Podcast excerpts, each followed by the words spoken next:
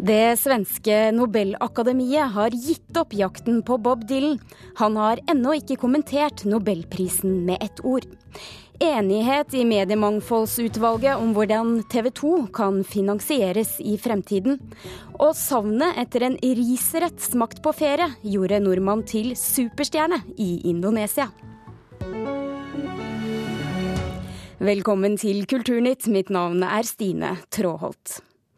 Bob Dylan har vært taus om nobelprisen i litteratur i dagene som har gått, siden den ble kunngjort i Stockholm torsdag.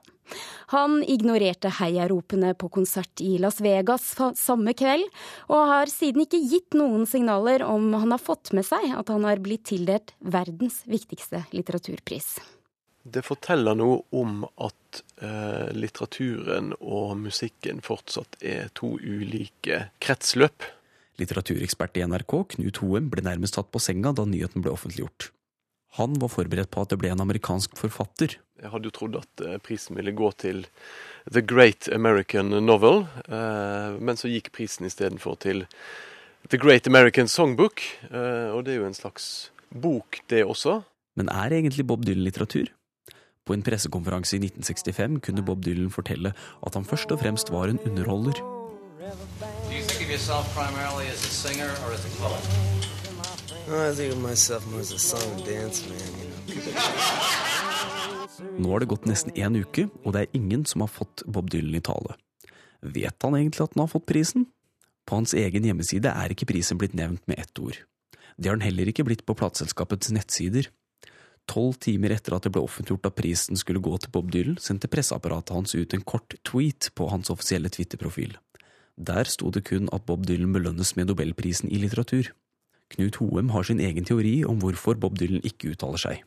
Jeg vet ikke hvorfor Bob Dylan ikke svarer, men eh, kanskje det er et slags signal om at det er ikke han som skal komme oss i møte, men vi må komme han i møte, og møte hans verk på en fordomsfri måte. Han har jo vært en tilbaketrukken fyr i, i, i 50 år. Dylan-entusiast Reidar Indrebø har nominert Bob Dylan til Nobels litteraturpris i 20 år.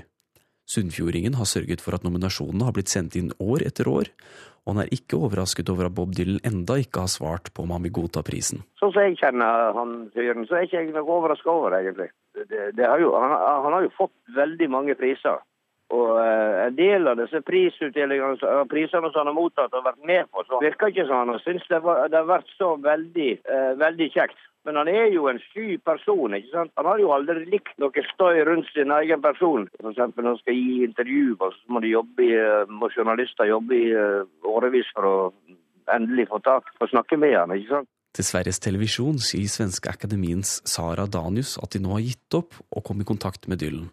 Danius tror Dylan til slutt vil gi lyd fra seg, men sier at dersom han ikke gjør noe, vil han uansett havne på Nobel-listen. Så gjenstår det å se om Dylan vil komme til Stockholm og motta prisen eller ikke.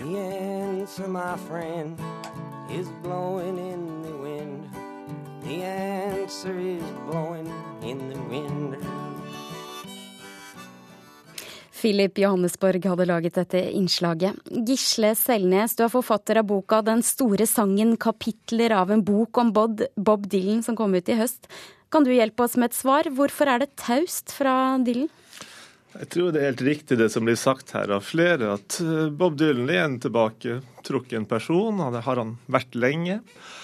Han er ikke så opptatt av den viraken som uh, finnes det rundt han. Han eh, foretrekker å ja, være i sitt eget miljø og kunne konsentrere seg om det som er hans hovedvirke, nemlig å holde på med musikk og være en kunstner. Eller artist, som det heter på engelsk.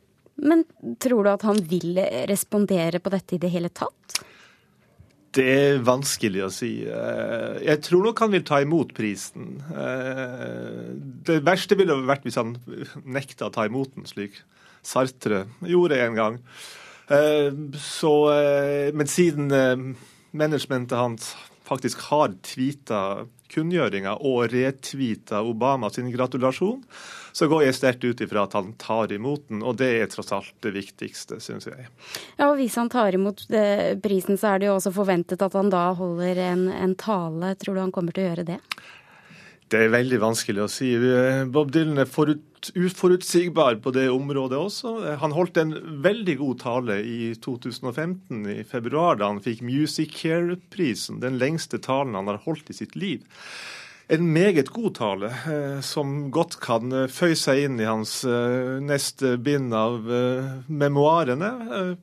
Han kan være helt stille, han kan holde en glitrende tale, men litt av det som gjør han fascinerende, er at man vet ikke om det blir helt taust, eller om det kommer en rekke med gullkorn og mm. gode da, formuleringer. Da han holdt denne talen som du refererer til her, eh, hva var han opptatt av da?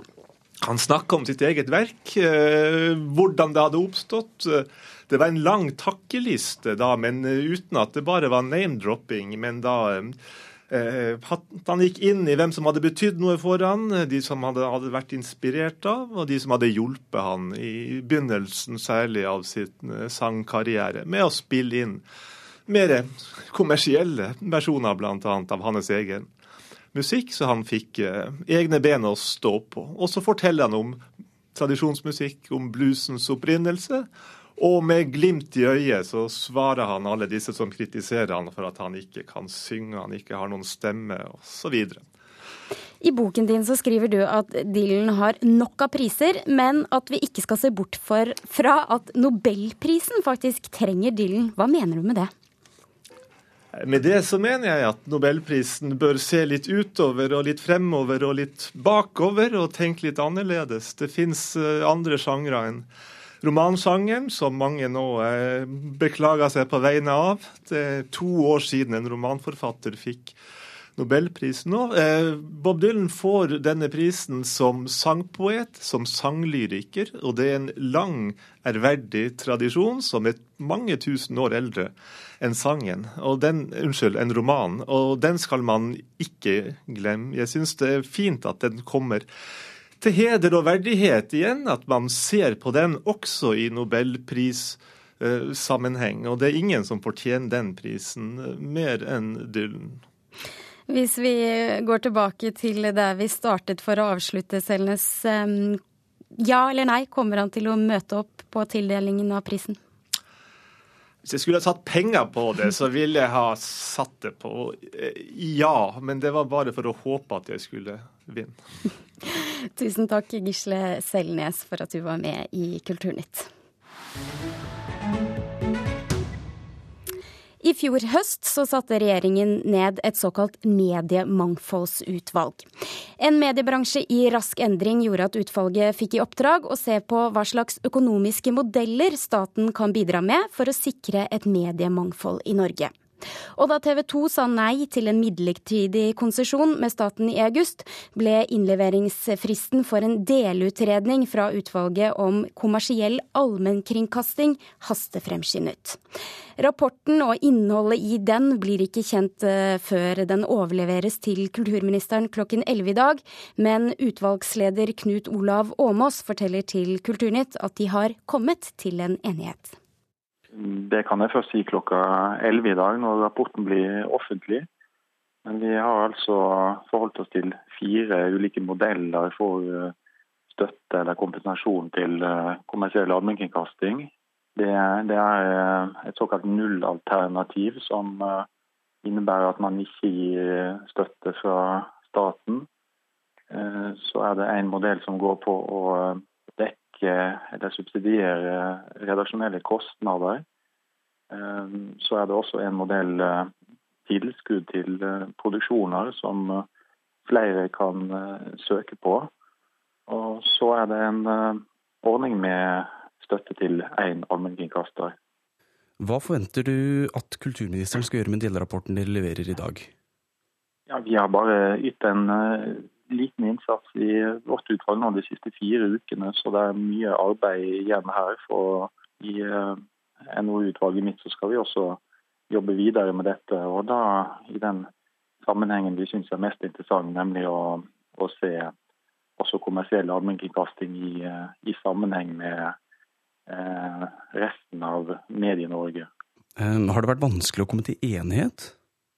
Ja, vanskelig eh, er det alltid når alternativene er så, såpass mange og pressene er ulike.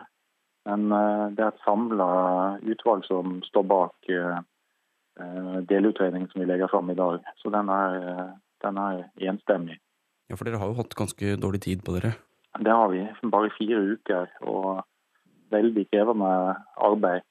Sånn sett så reiser vi eh, nye spørsmål og etterlater oss også ubesvarte spørsmål som eh, departement og storting må jobbe videre med. Ja, Det var reporter Filip Johannesborg som hadde snakket med Knut Olav Åmås nå i morgentimene. Knut Christian Hauger, redaktør for bransjenettstedet Kampanje. Du må hjelpe oss litt her. Hvordan tolker du det Knut Olav Åmås sier? Ja, jeg hører han sier at de har blitt enige. Eh, det er jo fint. Eh, men samtidig, det høres også ut som de har blitt enige om veldig mye. Og det gjør jo utfordringen til kulturministeren og departementet og Stortinget eh, like stort som den egentlig var før de satte i gang denne jobben. For det er klart, det som blir vanskelig, er jo å finne den modellen man skal gå for. Og det er klart, hvis det ikke kommer noen anbefalinger om noen av disse modellene, som jo spriker ganske mye. Altså det var alt fra eh, nullstøtte til en, nærmest en direktestøtte til en kommersiell allmennkringkaster. Så spriket der er ganske stort. Eh, så med mindre det kommer en tydelig anbefaling på en av disse, så, så er jo på mange måter eh, eh departementet kommet like langt. Hvorfor haster det så for regjeringen å få disse innspillene? Det haster fordi Stortinget har jo bedt eh, departementet og, og ministeren komme med et eh, forslag, et initiativ, et, en sak, eh, der man redegjør for en modell som kan sikre kommersiell allmennkringkasting. Man ønsker seg et alternativ til NRK, og man ønsker seg også et sterkt mediemiljø utenfor Oslo. Men fra og med neste år så er det ikke en sånn avtale lenger på plass. Går, I 2016 går avtalen, dagens avtale TV 2 har ut, og, og man står da uten eh, en bindende avtale da, med, med, en kommersiell allmennkringkaster. Og dermed har man jo også eh, sagt litt på mange måter eh, farvel til den modellen, TV-modellen, den public service-modellen man har hatt de siste 25 årene.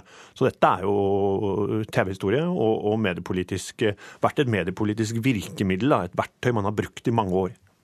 Dette utvalget det er sammensatt av flere personer med egeninteresser. Blant annet så sitter TV 2-direktør Olav T. Sandnes i utvalget. Har det noe å si for uh, forslagene som leveres i dag? Ja, det er klart, eh, TV 2-sjefen har jo helt sikkert hatt Uh, hatt sine klare mål med, med, med, med, det han har gjort i dette utvalget. Uh, men det er klart, her sitter det folk med mange særinteresser. Uh, noen vil sikkert være markedsliberalister, ønsker fri konkurranse, at dette skal markedet rydde opp i. Man ønsker ingen form for offentlige penger inn, inn i dette. Mens andre vil hevde at man i større grad trenger en støtte til en allmennkringkaster som kan være et korrektiv til, til NRK. Så jeg kan jo tenke meg, for å spekulere litt, at både NRK-sjefen NRK-sjefen og TV 2-sjefen kanskje nok har vært på litt på linje her, mens, mens MBL, eh, med Skipsted eh, som, eh, som en tung, tung, aktør i ryggen, og Allermedia og Nettavisen, vil, vil, i større grad ha en modell der TV 2 ikke får noen form for direkte støtte. Da. Til Klassekampen i dag så sier medieforsker Øystein Foros at det ikke er noen pengekrise i, i TV. Og Han viser da til at de kommersielle TV-kanalene faktisk har økt inntekter med 26% på fem år. Ja, eh, TV har vært gjennom eh, en fantastisk reise de siste årene. Tjent masse penger eh, og hatt god lønnsomhet. Og TV 2 har jo historisk vært en pengemaskin. Det man ser nå, og det man tror nå, det er jo at den endringen som avisene har stått i de siste årene, der eh, enorme summer har forsvunnet, først og fremst i, i, i opplagsinntekter og, og annonseinntekter, eh, vil ramme TV-industrien på mange måter. Digitaliseringen vil slå inn i TV-bransjen, sånn som den har gjort i, i i avisbransjen. TV har klart på mange måter å komme seg bedre gjennom eh, den første fasen av denne digitaliseringen, men nå tror man dette omslaget vil komme. Og det vil bety færre seere på de lineære TV-kanalene. Økt selvfølgelig global konkurranse fra store aktører som Discovery, eh, Netflix, eh, YouTube, Facebook, og ikke minst en, kanskje en helt ny måte å kjøpe annonser på, som blir mer automatisert og digitalisert. Så det er jo det bildet der eh, TV 2 nå ønsker å, å orientere seg i, og det er derfor man leser om disse kuttene som gjøres nå. Mm.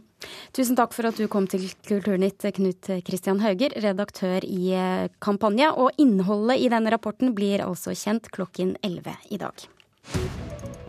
Du hører på Kulturnytt, og klokken er nå 18 minutter over åtte, og dette er nyhetsoverskriftene i Nyhetsmorgen.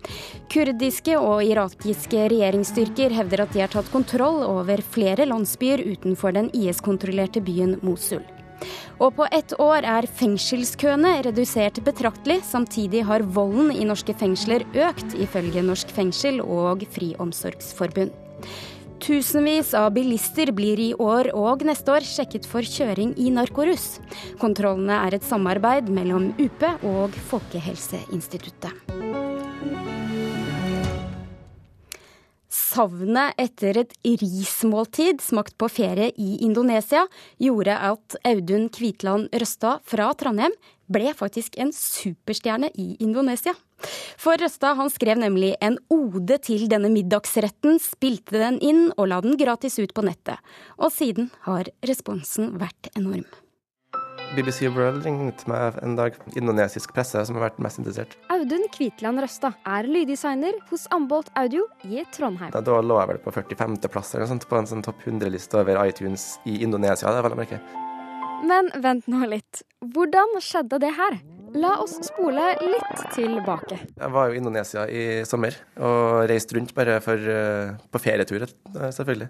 Og på den siste dagen min på turen så spiste jeg et uh, måltid som heter for nasi padang. Det betyr uh, ris padang, cirka. Og Padang er en by i Indonesia, så egentlig bare ja, ris fra Padang.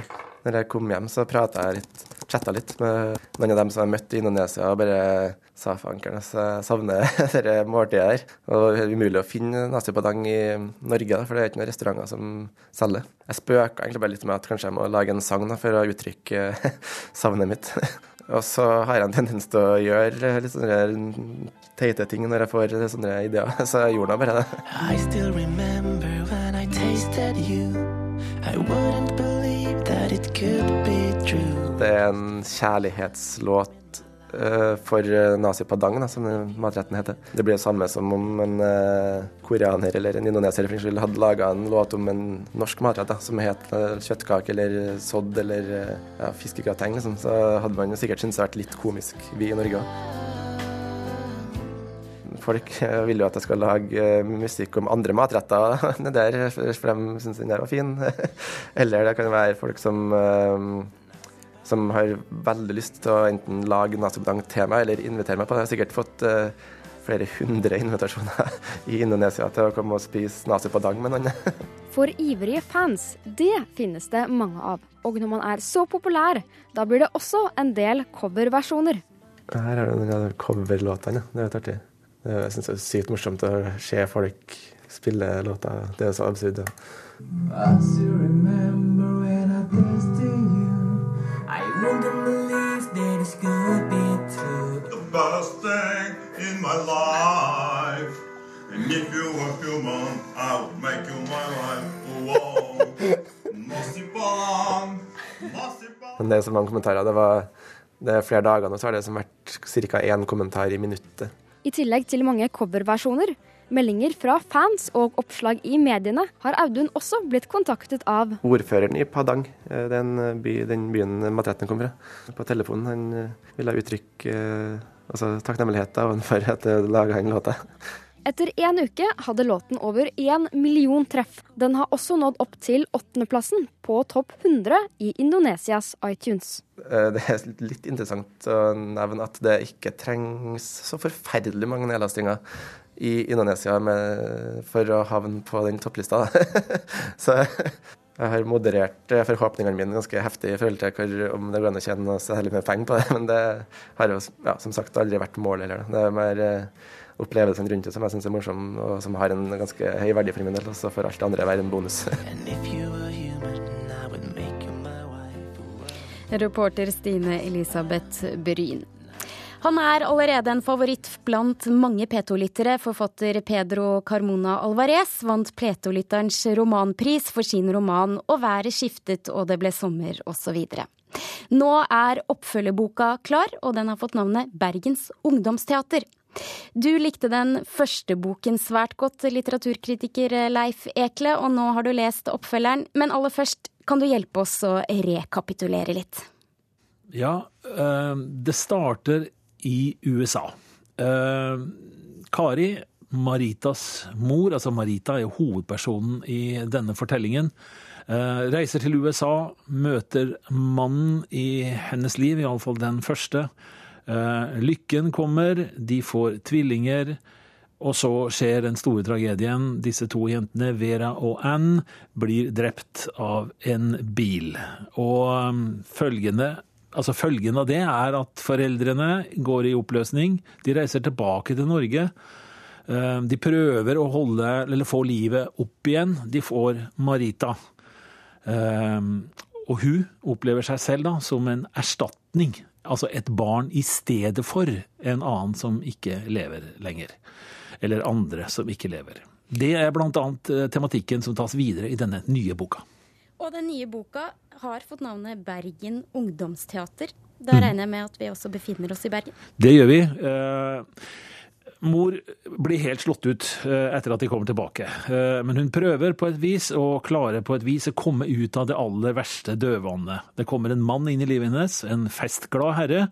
Mor har også festet litt allerede. Han tar med Marita og moren til Bergen i 1982. Der er det Marita fullfører barndommen sin og blir tenåring, og en del av et ungdomsmiljø som bl.a. omfatter teaterlinja på en videregående skole. Og, og, ut av det kommer altså dette både ungdomsmiljøet, men også da Bergen ungdomsteater. Mange, bl.a. P2-lytterne særlig, da kan vi i hvert fall si, lot seg begeistre for den første romanen hans. Men er det en sammenheng mellom dette, eller er det en selvstendig oppfølger? Eh, jeg vil si at uh, dette er en, uh, definitivt en sammenheng. Den forrige boka pekte veldig klart og tydelig ved sin avslutning på at det kommer mer. Og det kan jeg forsikre om at denne boka gjør også. Det er nærmest klipt rett av. Ikke midt i en setning, men etter et punktum. Og jeg antar at den tredje bindet i den planlagte trilogien fortsetter der. Og da er det jo fristende å spørre om det svarer til forventningene, denne bok to? Ja, det gjør det. Eh, eh, det er en ambisiøs roman. Eh, språklig så er den på sitt beste helt fantastisk. Pedro Carmona Alvarez prosa er alltid best, og ikke minst i denne romanen, når vi aner poeten i Carmona Alvarez mellom linjene. Eh, det er to fortellergrep. Det er Maritas stemme, og så er det en allviter. Allviteren fungerer ikke alltid like godt som Marita. Men når det er sagt, det er et par ting som ikke fungerer så godt, så er det en ambisiøs og svært lesverdig roman. Og alt i alt eh, har han lykkes med Bergens ungdomsteater? Ja, eh, det er en ambisiøs og lesverdig roman. Svært lesverdig. Selv om den altså har noen flere lyter enn jeg syns forgjengeren hadde.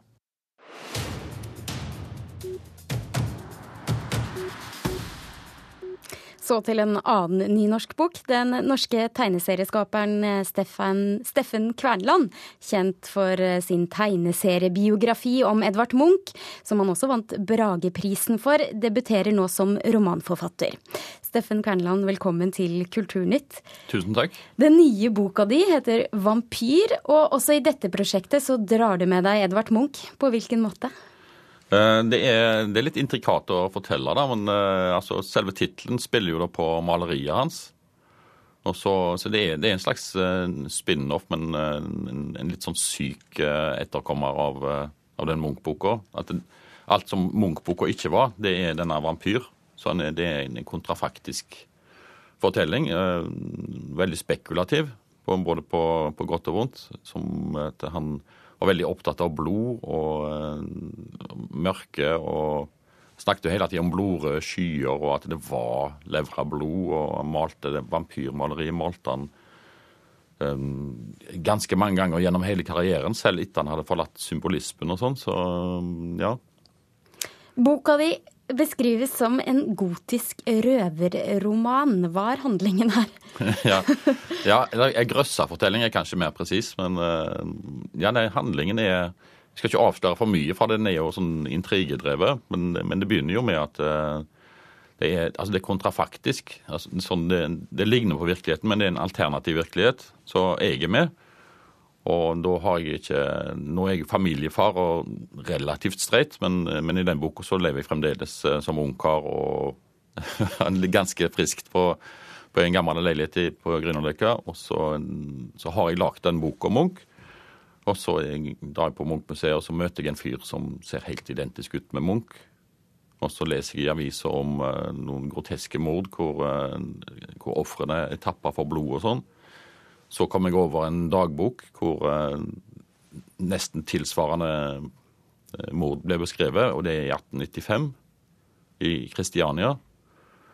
Og så, det, så, går det videre og videre. Nå høres det helt opplagt ut for alle som hører på, at de skjønner det, men så enkelt er det ikke. Så det, kommer nye vendinger og sånt i historien hele tida. Og, det, som, det, som, jeg vil si om, eh, om grøssere, det har alltid tiltrukket meg. Eh, gotiske fortellinger. Men, eh, men dette mysteriet ofte er, mye større enn avsløringen. At det blir ofte banalt og plumpt når avsløringen kommer. Det har jeg prøvd å unngå her, så jeg prøver å legge det veldig opp mot en slags virkelighet og gjøre det mest mulig troverdig. Men nå, når du beskrev jeg-personen i boka, så sa du, omtalte du det som deg selv. Ja. Er det du? ja, det er meg, men, men det, er, det, er, meg som har eh, gjort andre valg enn det jeg gjorde. Mm. Jeg var, altså Fra jeg var sånn 30-40 år gammel, kan du si, så, så, har jeg tatt en annen vei som, som egentlig er nærliggende. Det er veldig lett å leve seg inn i det, men som jeg ikke gjorde. Det er sikkert en grunn til at jeg ikke gjorde det, men ja. Du, Vi må begynne å rydde allerede, fordi Dagsnytt eh, kommer snart snikende. Er eh, det slutt på tegneserier nå, helt kort? Nei, dette var bare sånn, jeg ville bare teste om jeg kunne skrive en roman. Så eh, det kommer nok flere tegneserier. Tusen takk for at du var med i Kulturnytt, Steffen Kverneland. Produsent for denne sendingen var Tone Staude. Nå får du altså Dagsnytt.